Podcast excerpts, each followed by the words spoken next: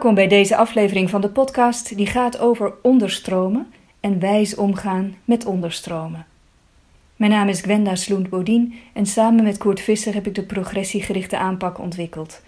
We geven trainingen in progressiegericht leiding geven, coachen en trainen en we schrijven boeken en artikelen. Onderstromen zijn gedefinieerd als stromingen dieper in het water of als het verloop van iemands diepere gevoelens. En er zit een verschil tussen die twee definities. Het verschil tussen die eerste en die tweede definitie is dat de eerste definitie gaat over een objectief waarneembaar fysisch verschijnsel, stromingen dieper in het water. Maar de tweede is niet objectief waarneembaar en berust op een ervaring. Met het introduceren van het begrip onderstromen in bijvoorbeeld teams lopen we het risico om een werkelijkheid te creëren die leidt tot stagnatie en regressie in plaats van progressie.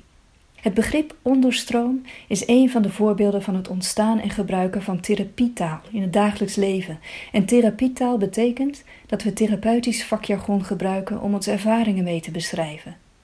Hoe we onze ervaringen in taal omschrijven, heeft een invloed op hoe we onze werkelijkheid gaan zien en ervaren. Zodra we het gaan hebben over onderstromen in een team, verschuiven we in de richting van een ziekte. Het team is niet gezond, er is sprake van dysfunctioneren in het team. De onderstromen die een persoon waarneemt, zijn in zijn eigen perceptie de werkelijkheid. Wat hij ziet, is wat er is, is zijn overtuiging. En dat is een bekend psychologisch fenomeen waarbij mensen ervan overtuigd zijn dat wat ze zien daadwerkelijk objectief gaande is. Naïef realisme is de term die er in de psychologie voor wordt gebruikt. En met die perceptie, hoe interpreteer je het als een ander teamlid de onderstroom zoals jij die waarneemt niet ziet of anders ziet? Het is dan eenvoudig om te concluderen dat het ontkennen van een onderstroom, die er toch duidelijk is wat jou betreft, een bewijs is van onwil, geen eigenaarschap, slechte intenties of eigenbelang. En het praten over onderstromen gaat vaak gepaard met een negatieve lading. Veel mensen hebben namelijk een neiging tot een negativiteitsbias. Dat wil zeggen dat ze negatieve informatie eerder opmerken dan positieve, dat die informatie een sterker effect op ze heeft en dat die informatie ook langer blijft hangen dan positieve informatie. En wanneer teamleden dus denken aan onderstromen, zullen ze eerder in negatieve termen denken, negatieve oordelen hebben en denken aan wat er niet werkt in het team, dan dat ze zouden denken aan wat er wel werkt of aan wat men misschien wil bereiken in het team. En het praten over de onderstroom in een team leidt vervolgens tot een uitwisseling van negatieve informatie, waardoor mensen snel in de aanval of juist in de verdediging gaan. En met het uitwisselen van die negatieve informatie wordt de psychologische basisbehoefte aan verbondenheid gefrustreerd. Frustratie van psychologische basisbehoeften leidt tot het ontwikkelen van substituutbehoeften, zoals het verkrijgen van status of het winnen ten koste van iemand anders. Mensen gaan zichzelf beschermen, voelen geen psychologische veiligheid en het wantrouwen groeit.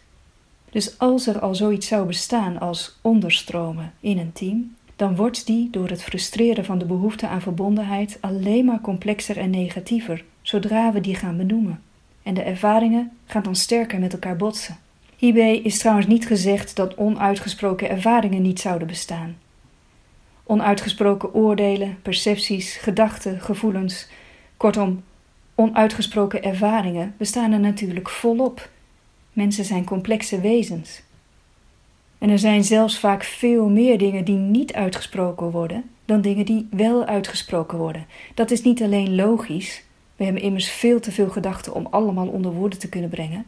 Het is ook goed om bewust te kiezen voor wat je wel en niet zegt. En niet alles te zeggen wat er in je opkomt. Of het idee te hebben dat alles gezegd moet worden wat je op een bepaald moment denkt. Mensen zijn complexe wezens die allerlei ervaringen tegelijkertijd kunnen hebben.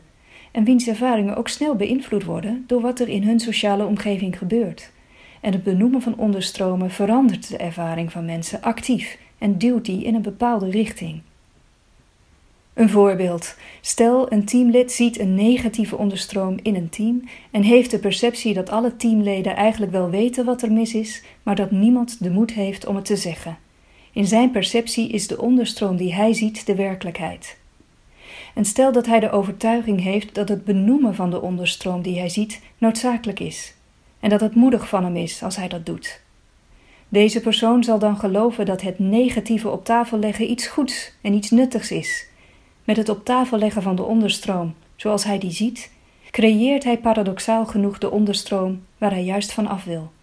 En zo kunnen mensen boos worden vanwege hun eigen gedachtenspinsels en ontstaat er een negatieve spiraal. In de progressiegerichte aanpak focussen we op onderkenning van een progressiebehoefte. Waaraan wil het team iets verbeteren? Op de reeds bereikte en verder te bereiken progressie en op stapsgewijze acties. Zo creëren teamleden samen een werkelijkheid die ze graag willen bereiken en komen ze op ideeën voor stappen vooruit. En deze focus verandert de ervaring van de teamleden. Alle mentale activiteit is ervaring, dus alle gedachten, gevoelens, percepties zijn ervaringen. En die worden beïnvloed op het moment dat we op een progressiegerichte manier met elkaar in gesprek zijn. Die ervaringen worden namelijk constructief en positief. Men krijgt zicht op de gewenste situatie en op wat werkt om daar stapsgewijs vorm aan te geven. In progressiegerichte communicatie reageren teamleden op de woorden die er worden gebruikt en niet op de eigen assumpties ten aanzien van onderliggende boodschappen of onderstromen. En zo kantelt het team van probleemgericht denken naar progressiegericht denken. En er kan ook opluchting ontstaan dat het dus niet noodzakelijk is om een soort van oud zeer of onderstromen boven tafel te krijgen. Soms willen teams de onderstromen bespreken en willen ze daarbij de progressiegerichte aanpak gebruiken. Maar het progressiegericht proberen aan te pakken van onderstromen is een contradictio in terminis. Onderstromen zijn in de progressiegerichte aanpak geen bruikbaar en geen nuttig begrip. Een focus op onderstromen creëert die onderstromen. En bij progressiegericht werken creëren we liever progressie. Dus wat dan wel? Natuurlijk kunnen we allemaal wel eens voelen dat er zoiets als onderstromen bestaan. We hebben immers allemaal de neiging om de gedachten van anderen te interpreteren en te proberen te lezen. En als je merkt dat jij iemand anders van slechte gedachten of bedoelingen verdenkt en je zit ermee, dan kun je wellicht iets hebben aan gedistanceerde zelfreflectie. Want dat is een goed onderzochte manier om wijze te gaan denken en te gaan handelen, zodat je in een team op een wijze en effectieve manier kunt reageren op dingen die er niet goed lopen. Stel je voor dat jij je zorgen maakt om een collega, omdat hij de laatste tijd zo afstandelijk tegen je doet, terwijl jij juist dacht dat jullie met elkaar konden lezen en schrijven en je deze collega heel belangrijk vindt. Normaliter zal je wellicht over de situatie denken in de ik-vorm. Bijvoorbeeld: Ik maak me zo'n zorgen over deze collega. Ik loop met een knoop in mijn maag rond. Wat is er toch gebeurd dat die collega zo kil tegen me doet? Wat heb ik toch fout gedaan? Wat zou hem dwars zitten naar mij toe? Maar bij gedistanceerde zelfreflectie denk je niet in de ik-vorm, maar refereer je aan jezelf in de derde persoon. Dus als je over deze situatie denkt in de derde persoon, dan zijn je gedachten zo. Stel je eigen naam is Johanna. Johanna maakt zich zorgen om haar collega. Ze loopt met een knoop in haar maag rond. Ze vraagt zich af of ze iets fout heeft gedaan, omdat haar collega haar zo kil en afstandelijk behandelt. Vervolgens kun je een innerlijke dialoog voeren vanuit dat derde persoonsperspectief.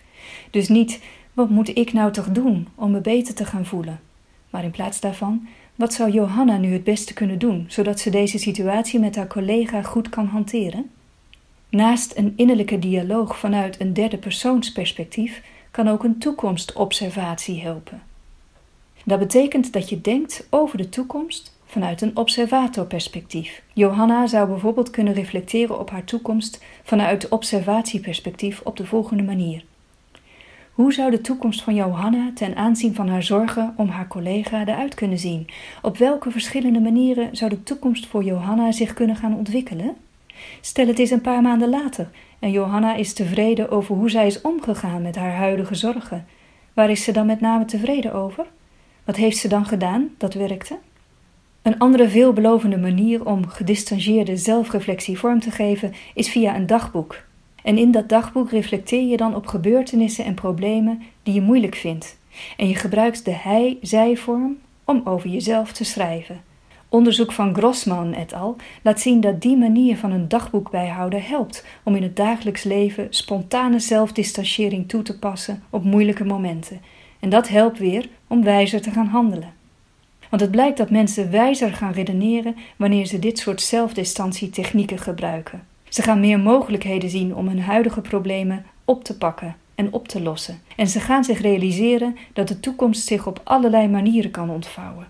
en dat er altijd sprake zal blijven van veranderingen. En vanuit de gedachte die de gedistanceerde zelfreflectie oplevert, kunnen mensen een kleine volgende stap voorwaarts bedenken, die ze kan helpen om vandaag net wat beter om te gaan met de problemen die ze hebben of de onderstromen die ze wellicht zien. Deze drie technieken samengevat zouden je kunnen helpen op moeilijke momenten om wijs te redeneren. En dat zijn dus het denken aan de toekomst, vanuit een derde persoonsperspectief en vanuit het oogpunt van een gedistanceerde observator. Meer lezen kan in onze boeken en meer leren kan in onze trainingen. Kijk maar op www.cpw.nu.